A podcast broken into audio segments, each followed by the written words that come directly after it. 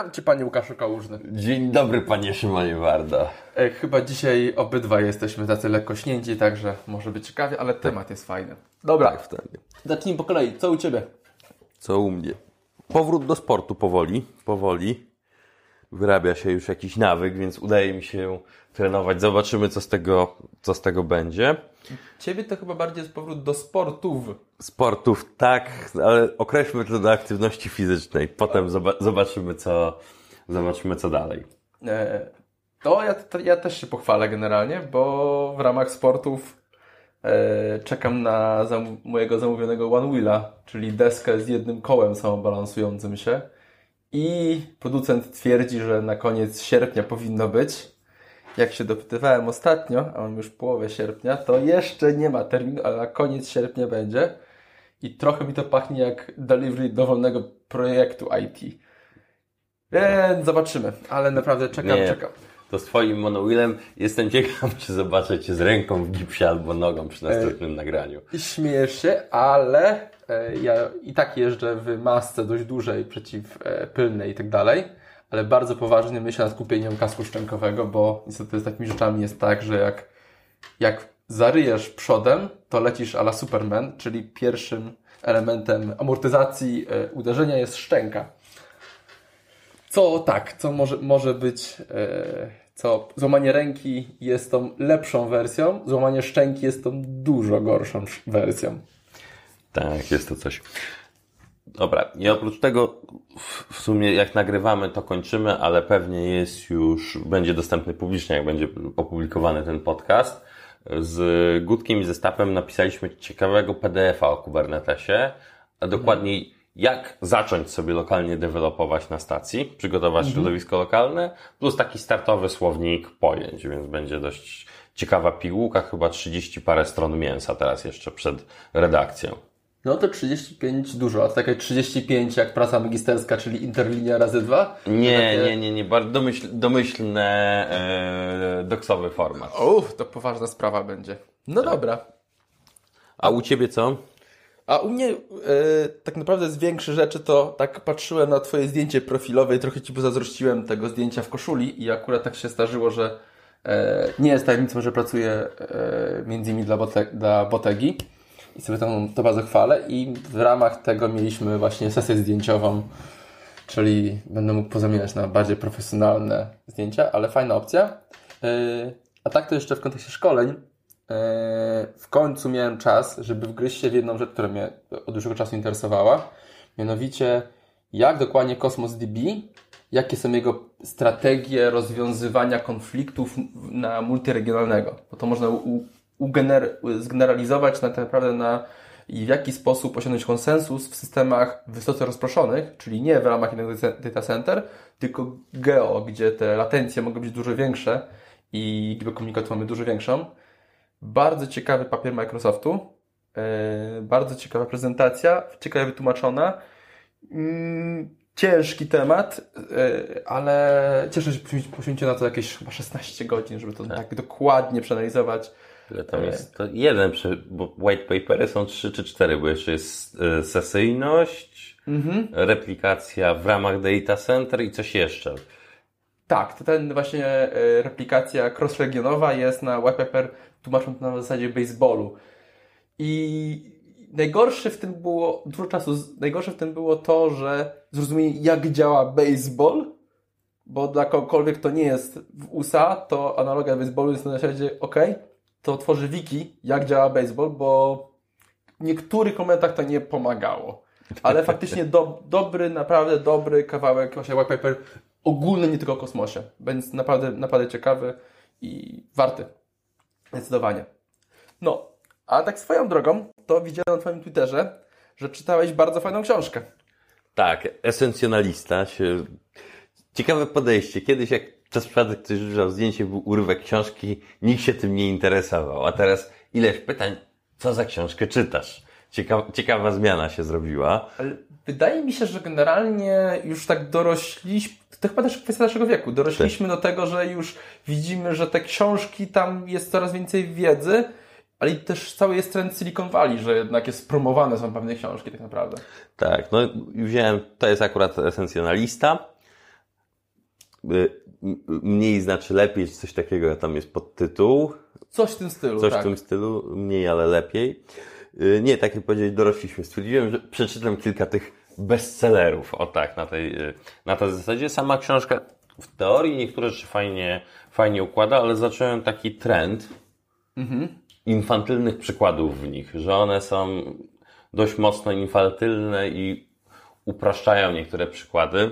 Właśnie nie, nie wiem, czemu tak podchodzą, ale ma parę fajnych rzeczy. Warto ją sobie rzu- rzucić okiem, w szczególności właśnie pokazując, jak odrzucać pewne rzeczy od robienia, jak y, zacząć myśleć, planować na takich podstawowych, y, podstawowych poziomach. Całe takie nasze podejście do pracy i zajmowania się pewnymi rzeczami. Tak, ja się zgodzę. Ona, pamiętam, ja ją zobaczyłem, chyba polecił mi ją, polecił mi ją e, Marcin Biegała.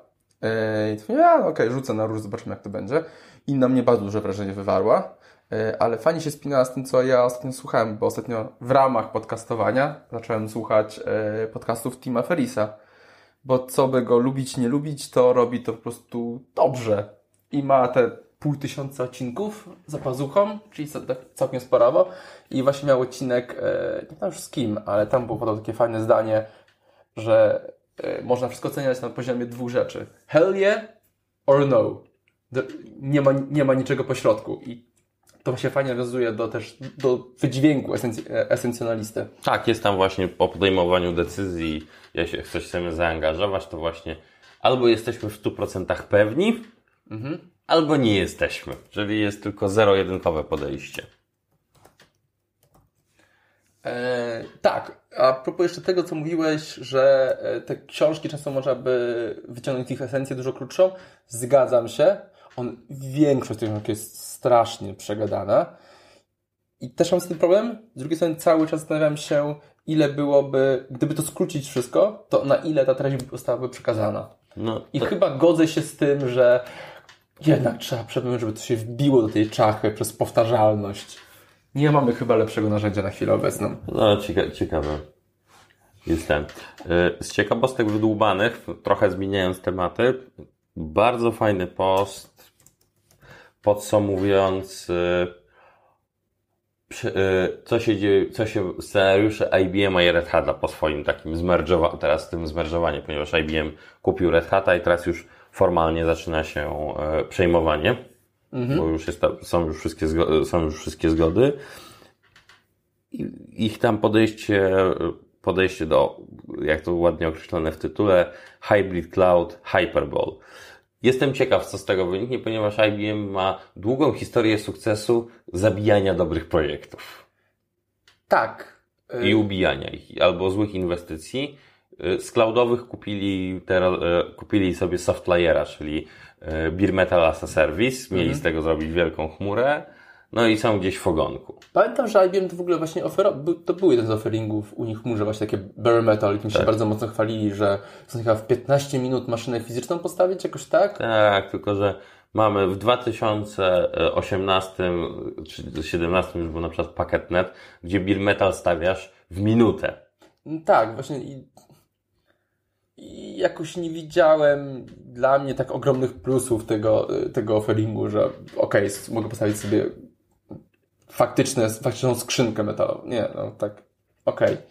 E, Ale znaczy, z całym tym, z całym rzeczami, które robi IBM, mi zawsze chodzi po głowie, na ile, na ile IBM jest w takim biznesie ważny, bo w bankach istnieje. Mainframe'y są IBM-owe jak najbardziej. Ej, a na ile ta fuzja, czy to połączenie dotknie nas wszystkich? Gdzie, gdzie Wiesz, można dotknąć? Co ja widzę, jest tak, my nie jesteśmy akurat na co dzień Javowcami, ale serwery aplikacyjne Java, bo może być trochę tak mentalnie to, co się w takim IBM, jak tak oglądam z boku, nasze jest zawsze lepsze. A jest dużo w portfolio mają produktów, które i Red Hat i IBM, które się wzajemnie będą musiały, któryś będzie musiał być skanibalizowany.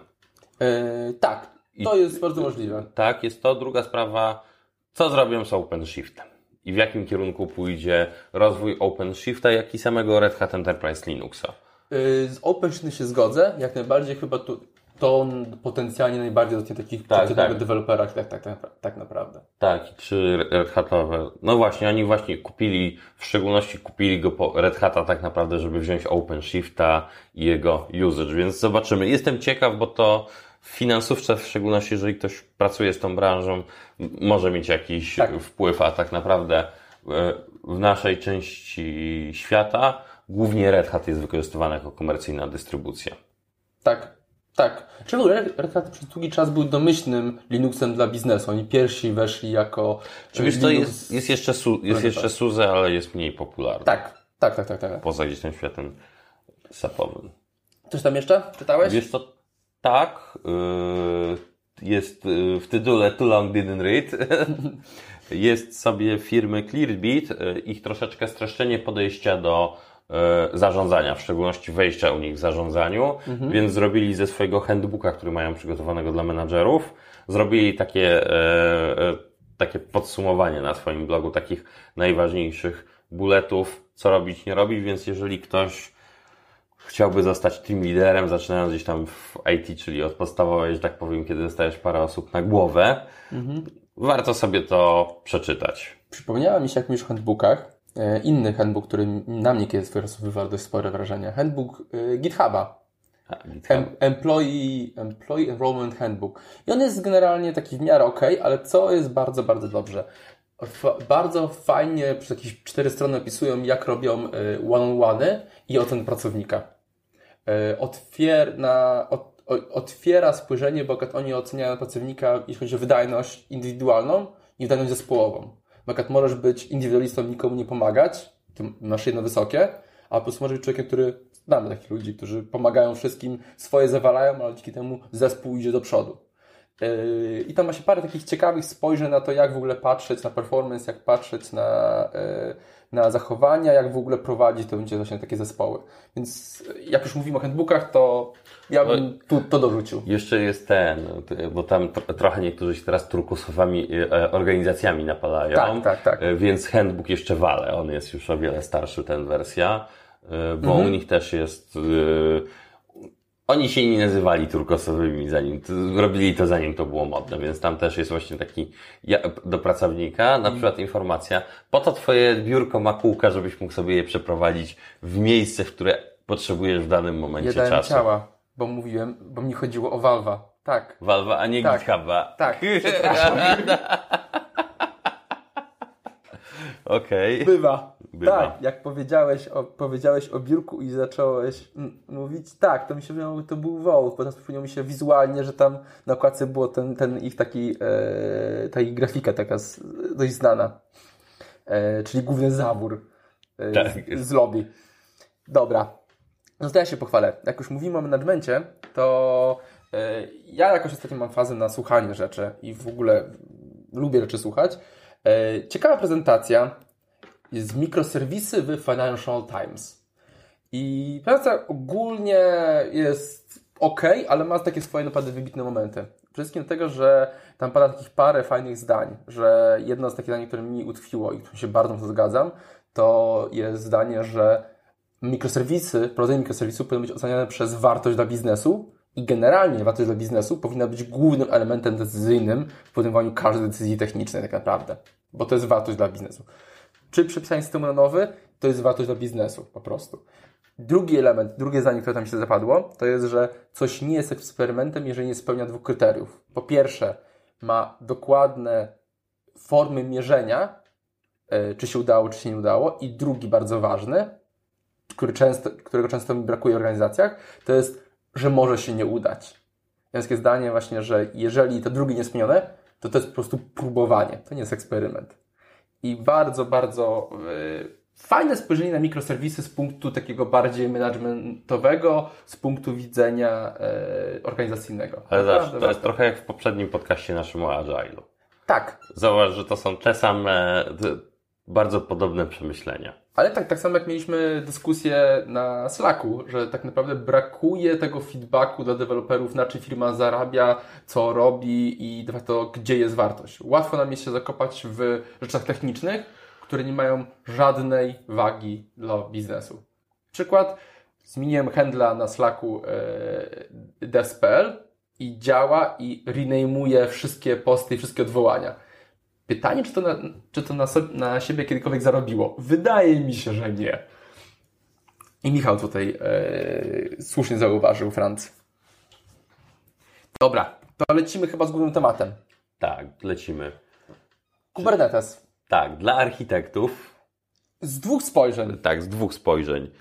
To bo zwykle tra- trafiliśmy jedną tezę, teraz będą dwie. Dobra, jak ty patrzysz na Kubernetesa? Ja na Kubernetesa patrzę z perspektywy trochę ewolucji, jak przechodz, przechodziłem od systemów, gdzie sam stawiałem API Gatewaya, sam, sam stawiałem Service Discovery i tak dalej, tak dalej. Dla mnie to jest zestaw narzędzi, których mogę użyć do budowy aplikacji.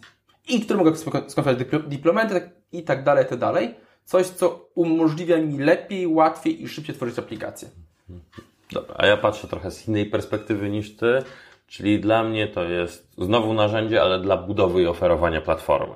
Czyli jest on większym, y, jest on building blockiem większej układanki. Czyli to, co ja oczekuję, ty dostarczasz. Tak, dokładnie. Pomagam dostarczyć takie coś. Tak. Yy, jestem ciekawy generalnie swoją drogą, jak reszta ludzi patrzy, bo yy, pod, właśnie patrząc na Kubernetesa z tych dwóch stron możemy mieć różne kompletnie yy, spojrzenia. Tak, i różne opinie. Tak, i często jak nie zdefiniujemy tego spojrzenia, to potem nie do końca wiadomo, z którego punktu się wychodzi. Dobra, to może od czego się zaczęło? Kubernetes. Y, Od side projectów Google. Jak zwykle to Tak, tak, jak e, side projektów w Google. I teraz co ważne, jest tam wzoruje się na Borgu, czyli na internalowym systemie, internalowym e, workload schedulerze z, e, z Google'a. Panowie się nim inspirowali, wzorowali, nie wzięli codebase'u, e, czyli kawałek napisali. No i właśnie sam Borg służy już od dawien dawna do puszczania w dużej skali workloadów, jobów. I dużą odmianą od takiego Kubernetesa tam jest to, że używamy binarek i fat binary. Czyli zamiast kontenerów skodżelujemy już binarki. No i to, co duże firmy chcą osiągnąć. Oni tym Borgiem chcieli osiągnąć jak największe Utylizacja. tak, utylizację upakowania tych procesów, zrobić high density. Czyli jak tam, gdzie e, u normalnych ludzi świe- świeci się critical, u nich jest to normalne, dobrze doutylizowane serwery. E, tak, ale ja mam dwie obserwacje, bo tak naprawdę, jeżeli mówisz, mówimy o Borgu, swoją drogą e, zdecydowanie Star Trek over Star Wars, e, dla tych, którzy łapią analogię, to o Borgu to, to takie same podejście parę lat później zrobił Microsoft ze swoim Service Fabriciem. Wiesz co, nie do końca. Service Fabric y, to też była wewnętrzna platforma i powstała pierwszy koncept i pierwszy codebase powstał w 2001 roku Service Fabrika.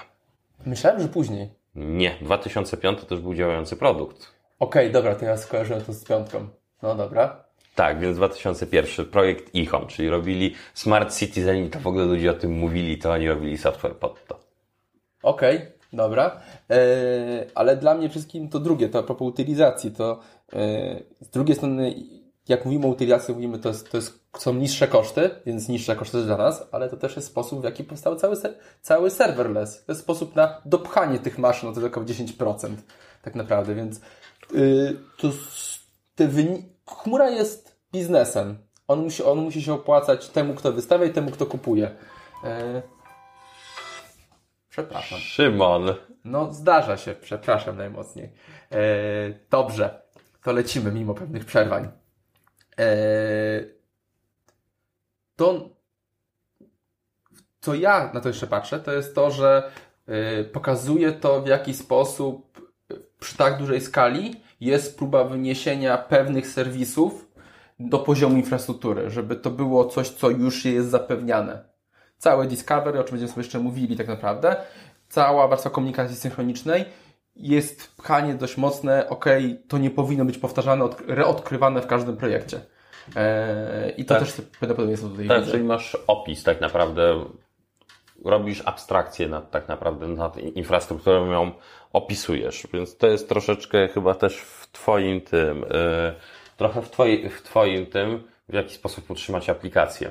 Tak, jakim utrzymać, czym mniej będzie elementów customowych w da, da, danym systemie, tym łatwiej będzie ją utrzymać. Jeżeli Discovery zawsze wygląda tak, jest to łatwiej. Nikt nie chce utrzymać serwis Discovery sprzed 15 lat, bo to działa inaczej niż teraz. Tak, no jak jesteśmy trochę przy utrzymaniu y, aplik y, aplikacji tym historycznie, no to chyba dla, y, dla mnie w sumie jak dla Ciebie tu się zgadzamy z, z tego co wiem, to jest sposób opisu.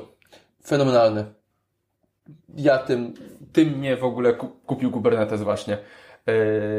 I co jest ważne, to jest, bo ten opis już mieliśmy w Docker Compose w pewien sposób.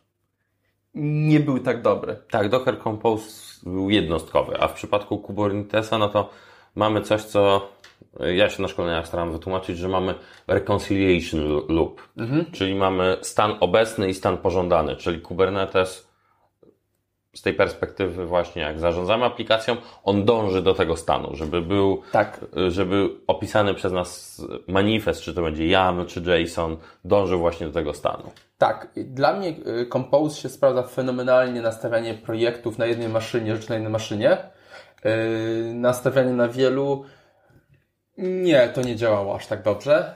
Yy, potem widać, że Compose restartami i tak dalej próbował do, do, dodać funkcjonalność ogarniania, jak system, nie tylko jak jest inicjalnie powinien wyglądać, ale jak ten powinien wyglądać przez cały swój cykl życia, ale Kubernetes tu pozamiatał i opis, działanie selektorów i tak dalej, no to po prostu działa, to po prostu działa dobrze. Jest fajny wywiad z zeszłego roku z jednym z współtwórców, z Brandonem Burnsem, jak e, on teraz pracuje w Microsoft, bo przeszedł do Microsoftu parę lat temu. Mhm. E, no i w wywiadzie jest bardzo fajna rzecz taka, to, co on myśli, taka ambicja teraz e, twórców tego była, e, trochę teraz na to patrzą, tak, że e, opisy Kubernetesa staną się następny, staną się takim x86 zestawem instrukcji 86 czy armowych dla, dla Cloud Native, czyli że to nie patrzą tak naprawdę, nie patrzy teraz już na Kubernetesa jako tam na platformę do hostowania APEK, ale ta rzecz, która się najlepsza teraz zdarzyła, czyli te manifesty, że one staną się jakby zestawem instrukcji, który zostanie reużyty i zaimplementowany w innych miejscach. To dochodzimy do tego, gdzie ja się bardzo z tego powodu cieszę, bo ten zestaw opisu właśnie jak system wygląda zawiera też rzecz, którą która dla mnie była przełomowa, jak zacząłem Kubernetesa. Znaczy, jak zacząłem się nim bawić, używać, to było ok, fajnie, fajnie, wszystko jest ok. A potem użyłem deploymentów i zobaczyłem, jak Kubernetes z pudełka implementuje Canary Deployment, jak mając trzy maszynki, on pierw wdroży na trzy pody. Pierw wdroży na jeden pod, spróbuje, pobierze obraz, dopiero jak to się uda, to wgra, jak nie, to będzie pobierał. Deploymenty. To w Kubernetesie po prostu jest super. Ten, kto pisał deploymenty w PowerShellu, Bashu, w czymkolwiek, widziałem tysiące linii kodu, kodu deploymentu. Deploymenty są trudne, a w procesie po prostu to działa i jest to element wyglądu systemu. Jest to element tego, jak system powinien działać, ponieważ co, wdrożenie jest elementem życia systemu, więc jako życie jest opisywane przez odpowiednie e, atrybuty, ile, jak, kiedy może ubić, kiedy może więcej maszyn. Tak, więc no, deploymenty tak. Drugą rzecz, którą widzę, tam wystarczy naprawdę bardzo mało, żeby robić je dobrze. Nawet zero downtime deploymenty. Tak. Jedynie to tak naprawdę najważniejsze nie używać ORM, ORM-a i troszeczkę porzucić bazy relacyjne o, o czym powiemy, tak, zgadza się. E, to, co się jeszcze dzieje, w, bo powiedziałeś, że e, powiedziałeś, że, że, że i to będzie taka trochę motyw przewodni tak w Kubernetesie, że tam wiele czy na starcie zrobione po prostu dobrze. Ten deployment, który jest, to jest ładny kanary, nie jest idealny, ale z reguły, jak nie, z reguły błędy w deploymencie powod, y, są spowodowane tym, że nam czegoś nie użyliśmy, na przykład nie użyliśmy odpowiednich probów, health checków, tak dalej, y, nie ustawiliśmy, ile może maszyn ubić, to działa dobrze. I to swego razu ty, ty zauważałeś, to zrobienie tam CI/CD jest po prostu proste. Tak, i to jest duży, dobra, to jest duża zaleta też Kubernetesa, że mamy te, że manifesty są niezależne od języka. Tak. Czyli jeżeli się raz nau... jeżeli wiesz jak daną aplikację skonteneryzować, to już sama filozofia na Kubernetesie, oczywiście gwiazdka, bo teraz mówimy troszeczkę kłamstwem dla dzieci, mhm. są pewne tam niuanse, ale na ogół jest to proste. Tak, jest to proste. Powtarzalne. Powtarzalne, przyjemne. To, co trochę mnie boli, to jest to, że jak się szuka w sieci, mam nadzieję, że was, wasz kurs to naprawi, yy, to bardzo dużo jest yy, definicji, jak to zrobić z konsoli, nie z plików. Wklepanie dla mnie w Kubernetesie z poziomu konsoli, zarządzanie systemu z poziomu konsoli jest niewykorzystywanie potęgi, jakie daje Kubernetes, jakie dają Tak. pliki. Tak, jest, to jest tam jeszcze inna filozofia, ale o tym, o tym później. Z tym się tak, zgodzę się z tym właśnie, że powinniśmy korzystać z manifestów albo czegoś, co generuje te manifesty. Tak, O, może tak to wezmę. to co można do tak. repo. Tak, coś, co będzie trzymane w repo. Dobra. Mamy jeszcze, to jeszcze je, jedną rzecz, jeszcze, jeśli chodzi o Kubernetesa z takiego z poziomu aplikacyjnego, co, co zahaczyliśmy. Ile Kubernetes wyciągnął, jakie, ile Kubernetes usług wyciągnął jako commodity. Tak naprawdę, jeżeli w, te usługi nie są idealne, o czym też sobie powiemy, ale przede wszystkim mega proste y, Service Discovery. Tak. Bardzo prosty API Gateway. Inicjalnie możemy sobie robić load balancing, możemy wybierać, możemy wersjonować. Selektory, które są obecne na każdym, selektory i metadane właściwie, które są obecne na każdym nodzie, do którego można się odwołać, powodują, że z taką prostą ideą są w stanie niesamowicie fajne Tak, rzeczy robić. czyli zacznijmy sobie może jeszcze jak działa Service Discovery, bo jakie poruszyłeś, że robili je do commodity, no to mamy te dwie opcje. Jedna to jest taka właśnie ta najprostsza, o której mówisz, czyli walimy po DNS-ie, tak. jak nazywa się nasza usługa, plus namespace, jest on dostępny w klastrze i możemy się po prostu odwoływać i koniec. Przez serwis Noda. Tak, przez, serwi- Przez, e, przez serwis i to jest e, super rzecz i będzie good enough chyba dla większości W przypadków. większości z tego, co ja widzę, to jest more than good enough nawet. Tak. Y, Druga opcja, chcemy zrobić coś zaawansowanego, bo chciałbyś popytać się właśnie o labelach, po metadanych się zacząć odpytywać, no to już musimy się zintegrować z API Kubernetesowemu. Tak. Pozostaje ten e, obszar, gdzie nie komunikujemy się bezpośrednio synchronicznie, tylko chcemy coś się dowiedzieć, Tak. to tam to zaczyna być tricky. Zgodzę się jak najbardziej. Tak, tam jest, to jest takie trochę chyba z notatek twój komentarz, czyli może wtedy, jak chcemy zacząć kombinować, to może zewnętrzne serwis Discovery, jak chcemy robić coś bardziej skomplikowanego. Tak, e, no bo też my, jeżeli potrzebujemy takich rzeczy, na przykład jak aby nie potrzebowali czegoś do sekretów, no to pytanie, czy w tym momencie właśnie nie potrzebujemy czegoś zewnętrznego jak Consul, Azure, Key Vault, cokolwiek innego. E, Pytanie, czy, tu jeszcze opinii, czy warto właśnie e, walczyć z Kubernetesem, czy jednak zewnętrznego jako normalny serwis zadziała. Co, tak, to z mojej perspektywy, pracy tam z większą ilością klastrów, jest tak, że jeżeli Twoja apka nie wychodzi z potrzebami poza klaster, to ten podstawowy wystarcza z zupełności. Ja bym też tak powiedział. E, A pytanie, jak jest z wsparciem dla sekretów i Key Vaulta? Czy wiesz co, nie ładujesz zew, y, zewnętrznie same sekrety od strony, tak jak patrzę, właśnie dostarczania platformy aplikacji, no to te domyślne już teraz, w zależności gdzie trzymamy tego Kubernetesa, ale można zaszyfrować te sekrety pod spodem. Faktycznie była Czyli, mo, czyli są, można już, mogą być już szyfrowane pod spodem. Yy, Czy w cloudowych jest teraz dużo prowajderów, które podpinają zewnętrzne, czyli na przykład Key Vault ażurowy może być zapo- zamontowany za pomocą, jako wolumen. Sekrety mogą być Mhm. zamontowane jako wolumen. Czy z inną opcją, tak jak mówimy o konsoli HashiCorpu, no to są pluginy, które robią auto-injecting z Volta Tak. do, e, do poda, więc jest ileś, jest ileś tych fajnych opcji, które są, jeżeli chodzi o sekrety. Dobra, to ja dorzucę obszar, co, za, co mnie trochę martwi i o czym co będziemy trochę rozwijali, to jest to, że overhead Kubernetesa jest duży. Kubernetes to jest 2,5 miliona linii kodu. E, to jest dużo. Jak ja włączam na moim laptopie, to nagle to jest 45% zużycia procesora jest przez Kubernetesa, który w tej wersji jeszcze nie ma żadnej aplikacji. To jest tak, e, rzucam, odwołamy się. Trochę będzie na spojrzenie z Twojego punktu widzenia Dobra. generalnie, jak to wygląda. Dobra. E, Patrząc się, to ja, to moją tezą jest to, że nadaje się do budowy platform. Tak, I dla mnie to jest super rzecz, kiedy jest dostarczany w jakiś sposób jako kompleksowy offering. Przez to możemy, przez to rozumiem na przykład wzięcie klastra as a service od jakiegoś vendora e, z GKE czy z Azura, e, bierzemy ten klaster i dostajemy do niego całą tą potrzebną otoczkę. Tak. Bo właśnie to, co trochę powiedziałeś, Kubernetes ma swój poziom, wyobrażenie, że jest skomplikowany, niby ma też overhead, co jest prawdą i nieprawdą, bo sam Kubernetes jest tylko orchestratorem. Zgadza się. I to głupim jak budowa cepa, to jest taka moja perspektywa. Zgadza się.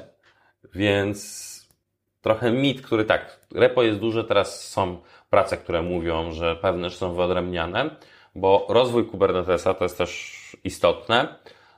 Teraz przez długi czas był tak, że było to tak naprawdę wszystko pchane do jednego repa, jeżeli chodzi o kod. Mhm. I tam znajdują się na przykład integracje third party, takie jak z e, Azurem, e, AWS-em, VMware'em i innymi rzeczami. One znajdują się natywnie sobie w, e, w core code, a teraz są wyrzucane jako zewnętrzne moduły, więc duża część będzie, będzie schodziła. Tam jest, jest parę takich nawet w repo fajnych plików, tak jak od wolumenów. Mhm. Proszę tego nie przerabiać. Jeden plik jest najbardziej czytelny i nie rozbijajcie tego. Jest taki stary, klasyczny inżynierski if, jeżeli coś leci zduplikowany kod i nikt się tym nie przejmuje i się nie dotyka. Ale z czego wynika ten if? Ten if wynika z jakiegoś bugu, który znaleźli, który został naprawiony i każdy system, który jest używany produkcyjnie, zbiera taki szlam realiów jego użycia. Tak. Będzie istniał jak najbardziej. W szczególności tak szeroko.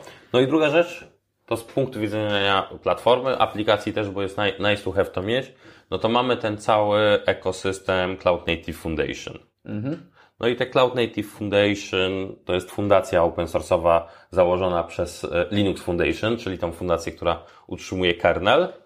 I tutaj mhm. są rozwijane projekty, nazwijmy to krytycznej infrastruktury i biblioteki rozwiązania całe cloud native'owe, więc to nie jest tylko Kubernetes, ale możemy znaleźć masę rzeczy, która jest w ogóle niezwiązana z Kubernetesem albo, ale się integruje. Możemy wziąć e, Fluentd do forwardowania logów, które jest wykorzystywane Microsoft wykorzystuje to pod spodem w swoim agencie do wypychania logów, na przykład z Linuxów e, czy metryk. Inną rzeczą będzie NAC, czyli bardzo szybka, nowoczesna kolejka do, do e, IoT, która potrafi przepychać e, setki, setki tysięcy jednoczesnych połączeń. Więc jest, mhm. cały ten świat jest troszeczkę, jest bardziej szeroki. Pytanie pozostaje pozostaje taki, czy na ile, z punktu widzenia znowu mojego, na ile, może, na ile z perspektywy będzie rozdzielany Kubernetes od całego CNCF. No bo Kubernetes jest sprzedawany jako taki produkt pudełkowy, który jest zaopiniowanym stakiem, bo tam, co to powiedziałeś, tam się kryje zestaw technologii, które są skonfigurowane, które ze sobą ładnie działają. Yy, więc czy to jest problem poznawczy generalnie, jak jest sprzedawany, czy jak jest widziany, bo, yy, bo jednak pod nazwą Kubernetes kryje się wszystko. Takie wszystko. A dla mnie to jest tylko orchestrator. To, co mówisz, cały ekosystem, tak jest ważny, potrzebujesz te funkcjonalności. Tylko z drugiej strony możesz wziąć sobie właśnie cloudową rzecz, która dostarcza wokół te usługi i funkcjonalności, czy to, co na początku wspomnieliśmy, OpenShifta. Tak. Czyli możesz wziąć dystrybucje, które to wszystko mają i one nie zawsze mają klocki z CNCF-u. Zgadzam się. Pytanie, jak w długiej perspektywie, czy nagle nie będą y, smaki Kubernetesa? Kubernetes tymi klockami i z tymi, czy nie będzie działał inaczej, czy nie będą różnice? Tego się trochę boję, czy będzie jakaś troszeczkę y, to się teraz uspokoiło, bo Kubernetes jest, jak sobie popatrzę na rozwój y, funkcjonalności, które dochodzą, to zwolniło. On się stabilizuje i dojrzewa teraz. Jesteśmy już na takim etapie tak. dojrzewa, stabilizacji i dojrzewania, czyli bardziej jest sprzątanie, uspójnianie repo, stylu kodowania, e, czy budowanie nowej infrastruktury do testów e, CI/CD wewnątrz samego tam projektu kubernetesowego. Więc... I budowanie poparcia biznesowego dla niego też. Tak. Bardzo ważne. Tak, więc to się tam uspokoiło, więc czy to, jeżeli sobie popatrzymy, jak mówimy troszeczkę o platformie, jeżeli sobie popatrzymy, to musimy dostarczyć z takich rzeczy, jak, tak jak ja mówię, dla aplikacji, do hostowania mhm. aplikacji offering platformowy, no to dostarczasz tego wysokodostępnego Kubernetesa, coś do zbierania metryk. Musi być. Coś do zbierania logów. Mhm. Tak, musi być. Jakiś dashboard do wyświetlania. E, Dashboard w sensie metryk, logów, e, że, że, e, e, takiego monitoringu e, i coś do zarządzania secretów. Tak. Bo CI/CD są pomysły dziwne, na przykład, które są latają sobie. Ja ich nie popieram. Są różne dziwne trzymania CI/CD na samym Kubernetesie. Ja tego nie popieram. Wolę rzecz. Osobiście wolę narzędzia zewnętrzne i nie zamykać się w ogóle na to. To przypomina mi trochę trend, jaki był, pojawiły się mikroserwisy, to za chwilę pojawił się trend nanoserwisy, czyli ludzie poszli z ideą jeszcze dalej, bo myśleli, że jak pomysł pociągną za daleko, to będzie dobrze, to teraz trzyma, trzymamy wszystko w Kubernetesie, nie ma sensu. Eee, tak, że jak CI/CD i baza, ten, ten Tak, do, do tego, do bazy przejdziemy, bo mam to w notatkach. Wiem, bo to jest temat, który mnie też bardzo interesuje i problematyczny, cierpiowy. Tak, czyli patrząc się na platformę, to musimy wiedzieć, że y, Kubernetes to, jest, to są klasyczne trzy warstwy pod spodem. To jest monolit, piękny, piękny monolit, jeżeli byśmy sobie na to popatrzyli. I zaczynając od tych komponentów, no to z, wspominałeś o bazach danych. Za wszystkim gdzieś przechodzi przechowywany stan. W Kubernetesie za to jest odpowiedzialna e, etcd, która ma swoje problemy i niuanse. To jest e, baza rozproszona, która ma zapewnić w miarę strong consistency i wykorzystuje też Rafta, jest to key value, no i ma swoje bottlenecki. Im większy klaster, tym musimy troszkę, e, ma troszkę niestety przez to, że jest strong consistency, musi zwolnić swoje odczyty, e, zapisy Tak. I pozwolić je rozpropagować. Tam pod spodem działa e, Raft, protokół Raft, jest implementacja Rafta. Swoją drogą, gdyby ktoś chciał zobaczyć, jak, jak wygląda Raft, to ja proponuję sobie postawić, e, postawić klaster konsula i tam bardzo ładnie widać, jak on się dogaduje, jak działa. Ile czasu komunikacji w logach zajmuje, ile czasu wymiana i komunikacja zajmuje. Tak, a na przykład ubić któryś node, znaczy w ile, jak on się zachowa, kiedy generalnie nie ma konsensusu i tak dalej. Ale jak już ruszy- ruszyłeś z e, etcd, no to to jest problem, który jest adresowany przez Microsoft, między innymi, bo to jest platforma, w której najwięcej siedzę, to właśnie jednak mimo wszystko e, jest robione przez Kosmosa, no bo Kosmos za, zaczyna mieć taki plug and play kawałek. No skoro już masz Kubernetesa w Azure, no to może nie etcd, tylko może weź ty, w tym momencie Kosmosa, bo Kosmosa umiemy ogarnąć na poziomie Tak. e, lokalizacji, na poziomie geo i będzie działało dobrze. Tak. y, No tak, też Shimy, tak, to jest takie pierwsze podejście. Drugi projekt, który się pojawił, to użycie SQLite'a dla małych instalacji w K, K3 jest właśnie od Ranchera. Więc jest to. Więc etcd jest tam odpowiedzialna za wszystko, jest takim centralnym y, punktem y, fuck-upów. To tak jak z backupami innymi rzeczami, czy w, w teorii też powinniśmy ją czyścić, trochę maintenance'u poświęcić. Jak każda baza danych, nie ma tam magii. Tak. Następny zarzut, który widzę trochę z perspektywy platformy, y, to jest brak y, Perfect Fire Detection dla nodów. Dobrze, że dałeś perfekt, bo będę miał tutaj ale pewne. Tak, ale teraz ja patrzę z poziomu platformy i nasze nody, czyli powiedziałem, że jest trójwarstwowy, Kuber- Kubernetes jest trójwarstwowy, czyli mamy sobie bazę danych, mamy ten centralny zestaw na masterze serwisów, gdzie głównym jest taki API serwer, przez którego przechodzą wszystkie requesty. I działa tak, że nasz węzeł ze swoim agentem kubeletem, on wysyła w jedną stronę tylko strzały, puszcza tylko heartbeat, że żyje, więc jeżeli wyleci nam node, to nie dowiemy się o tym szybko, no i mamy swoje czasy reakcji na to, co się stanie. I to jest dla mnie troszeczkę, y, troszeczkę może być bolączką, w szczególności jak źle zrobimy aplikację. Tak, to jest, znaczy, to jest taki trade-off między tym, albo będziemy bardzo często pytali się, dzięki czemu mamy e, szybką informację, ale będziemy z tym obciążali, albo generalnie pytamy się rzadziej, ale obciążamy mniej. Ja dodam znowu, z punktu widzenia systemów, budowania systemów, to to, co daje e, Kubernetes, czyli on daje dwa proby. Liveness probe i readiness probe. Jedna mówi o tym, że ok, aplikacja żyje, druga o tym, że możemy przyjmować requesty to rozwiązuje 90% problemów na poziomie budowania aplikacji, tak naprawdę. Wdrożeń przede wszystkim. I jak patrzę na co organizacje potrzebują, to zgodzę się. Wyłączenie jest ważne, ale że mamy te dwa proby z pudełka, wystarcza na pierwszy rok, dwa lata de- developmentu większych, większych systemów. No nie, ja patrzę właśnie z poziomu, dlatego mówię z poziomu platformy, nie aplikacji. Dla Ciebie rozwiązaniem będzie użycie żeby Twoja inicjalna liczba e, podów to były 3 czy 4 właśnie e, instancje Twojego serwisu, już gdzieś masz szansę, że zostanie to tak rozrzucone, że taka awaria właśnie Node'a Cię nie złapie. I co więcej, jak Node się przekręca, to żeby nagle nie trafiło do niego 100 requestów, tylko żeby trafiło dopiero jak będzie e, readiness probe na OK, czyli on się rozgrzeje, cache się zbuduje, aplikacja się zedituje i wszystko będzie w porządku. I to można sterować z punktu widzenia aplikacji. To jest dla mnie niesamowita wartość. Tak. No i druga rzecz, która mi się trochę rzuca, to są przy tym jak mówię break failure, failure detection, no to dla małych klastrów może być to Kubernetes może być nie do końca dobry, jak nie jesteśmy świadomi. Ze względu na bezwładność i sposób właśnie działania. Dobrze, to zdefiniujmy małe, bo małe to jest bardzo względne pojęcie. Wiesz co, ja powiem, y, czy zaboli Cię, jak wyrzucisz 15, 10-20% infrastruktury?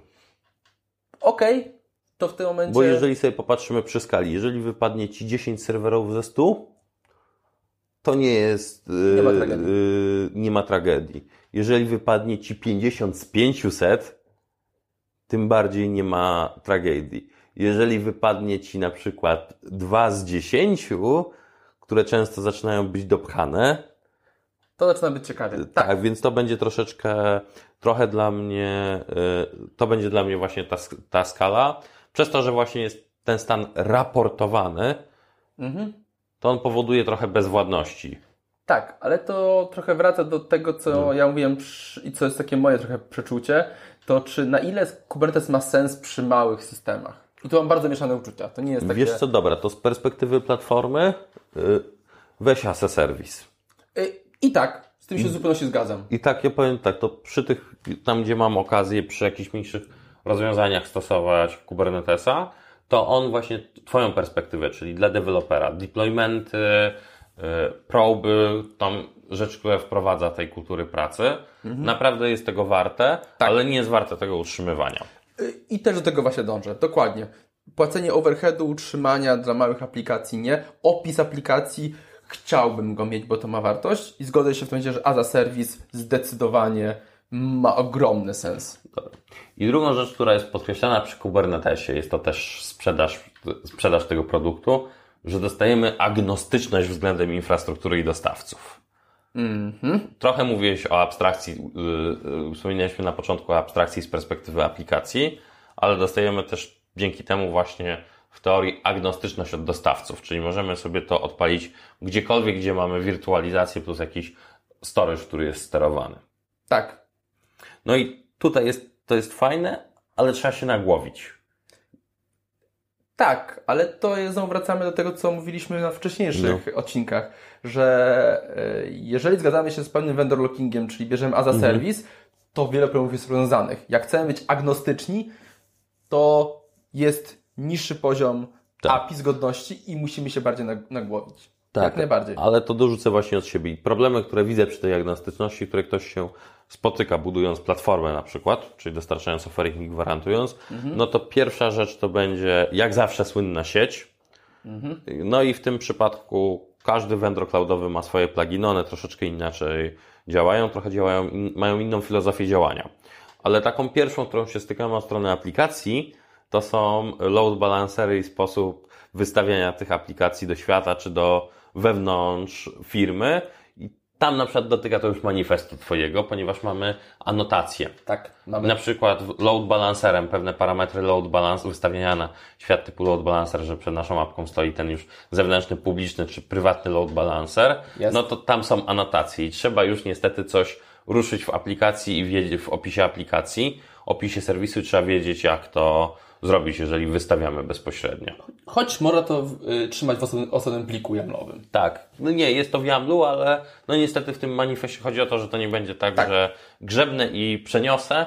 Weźmy najsławniejszą anotację, czyli internal load balancer na true, opis w AWS-ie w Google i w tym ma, każdy ma swoją oddzielną y, anotację w metadanych. Tak, zgadza się. Przenoszalność jest z y, gwiazdką, mianowicie można przenieść, ale trzeba się, trzeba się trochę nagłowić. Tak. Yy, dobra. Następną rzeczą będzie storage. To jest też, mówię o storage'u, nie używajcie. O tak, to jest od razu moja perspektywa. Jak nie musicie, to nie używajcie. No i tam znowu trafiamy w specyfikację e, IAS-ów, na których to jest trzymane od dostawców. Tak. Czyli weźmy na to, z Azurem będą problemy, są czasami jak node się wywali, czy ogólnie długi czas przepinania dysku wolumenu z jednego do, y, do drugiej maszyny. To jest specyfika IAS-u i koniec. Tak, ale no też ja w ogóle jestem zdania, że korzystanie z dysków, czyli interfejsu dyskowego albo SMB w, sieci, w chmurze, no to od tego mamy bloba. Czy NFS-a, tak. Ale są pewne, ludzie czasem mają pewne potrzeby, w szczególności przy licensiście. Czy jak mówimy jeszcze o problemach, no to w AWS-ie są EBS-y, są persona, czyli jak masz znowu mały klaster, mhm. to może się zdarzyć, że wywalać, nie masz możliwości, nie ma gdzie się przenieść ten pod, bo w tej zonie już gdzie jest EBS, od niego nie ma już węzła w tym momencie. I trzeba no poczekać, tak. kiedy autoreper się odpali.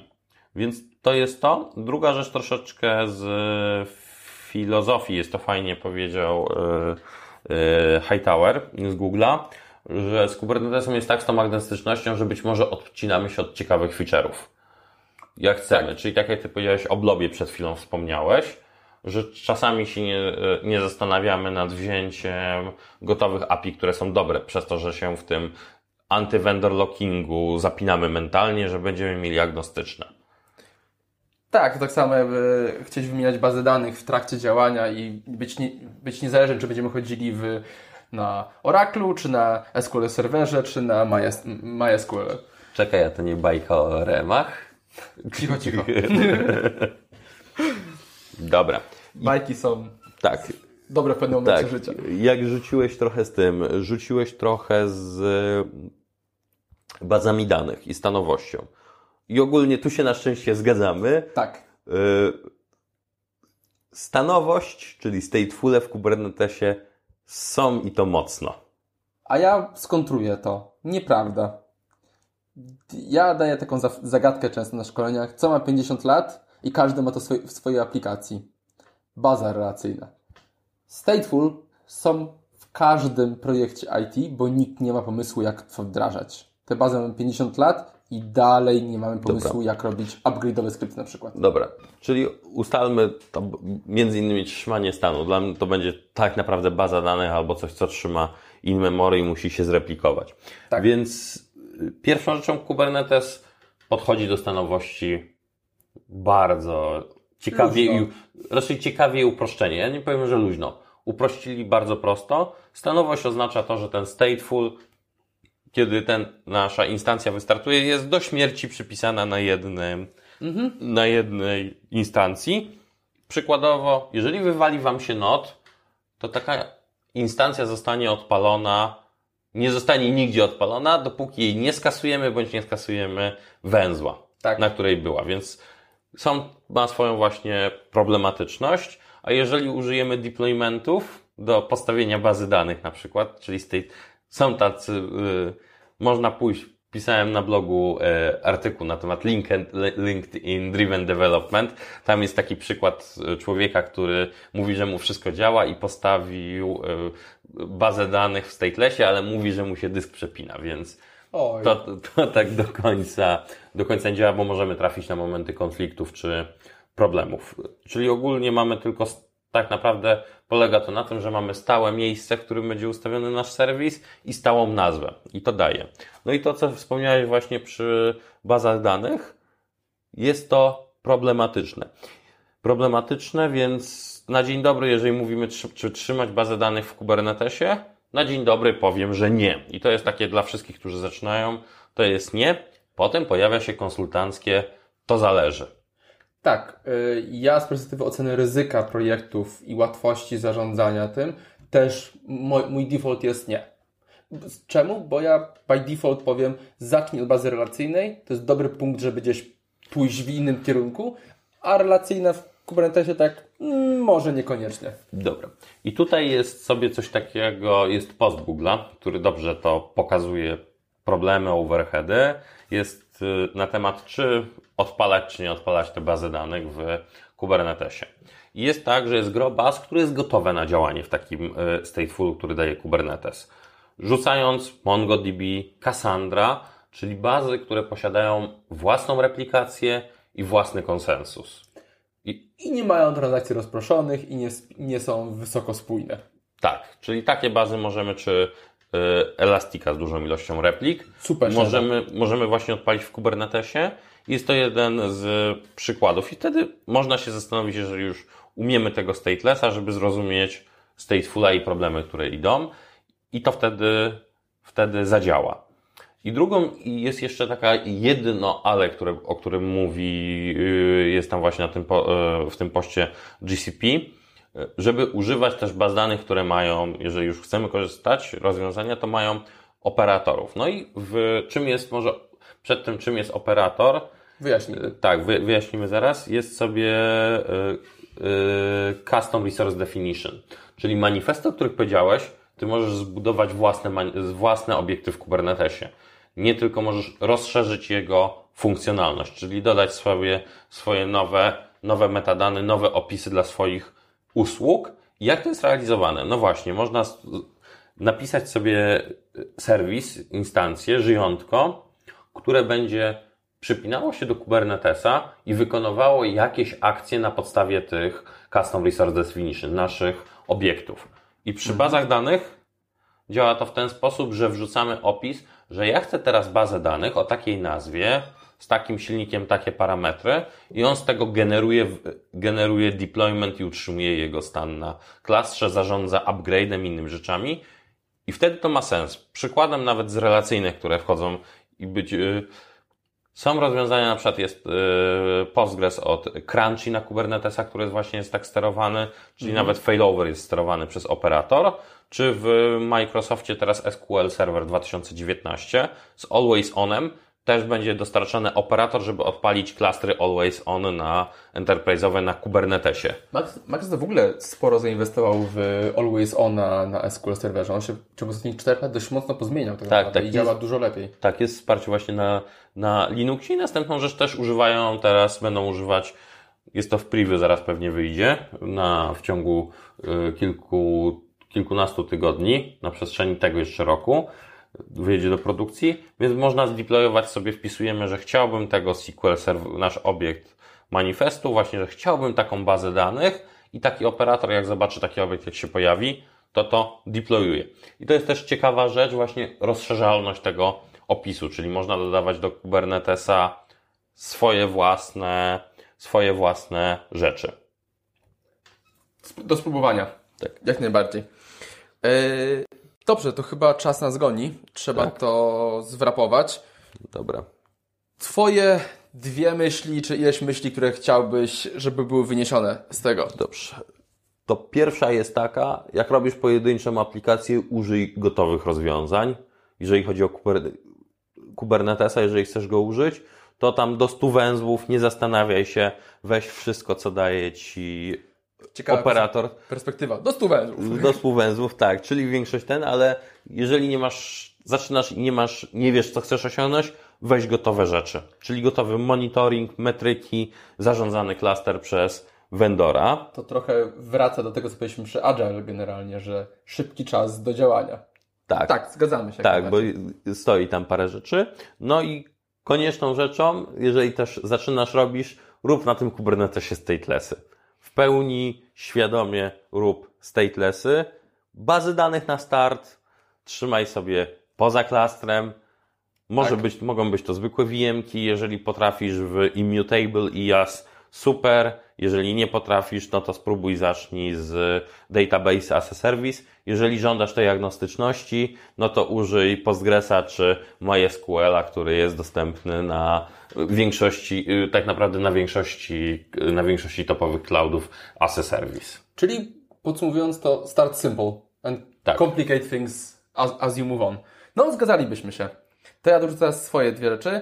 Yy, z punktu czemu warto, bo uważam, że zastosowanie Kubernetesa warto, mimo że ma jakieś swoje problemy, to jest dla samych diplomentów warto opisu yy, środow- środowisk, opisu całych systemów przede wszystkim. Warto zdecydowanie, bo to jest taki pierwszy opis, który deweloperzy wykorzystują i może być ładnie przekazany potem em, do deploymentu i używany cały czas. Taki wchodzę w projekt, widzę pliki kubernetesowe, odpalam, applya i cały system działa. To jest fenomenalne. Yy, druga myśl, która nawiązuje bardzo mocno do tego, do Twoich małych systemów, to jest to, żeby pamiętać o tym overheadzie, żeby nagle nie stwierdzić, że o, mam, mam moje trzy instancje, tam trzy serwisy, które sobą rozmawiają raz na jakiś czas, to użyję Kubernetesa i będzie wszystko chodziło szybciej i lepiej. Overhead istnieje, nie jest tani, będzie się zmieniało, ale to trzeba mieć zawsze z tyłu głowy, bo za to płacimy sporo. Ale warto, żeby było pozytywnie. Tak, warto. Na tą chwilę warto. Zdecydowanie. Kończymy? Kończymy. Na razie. Na razie.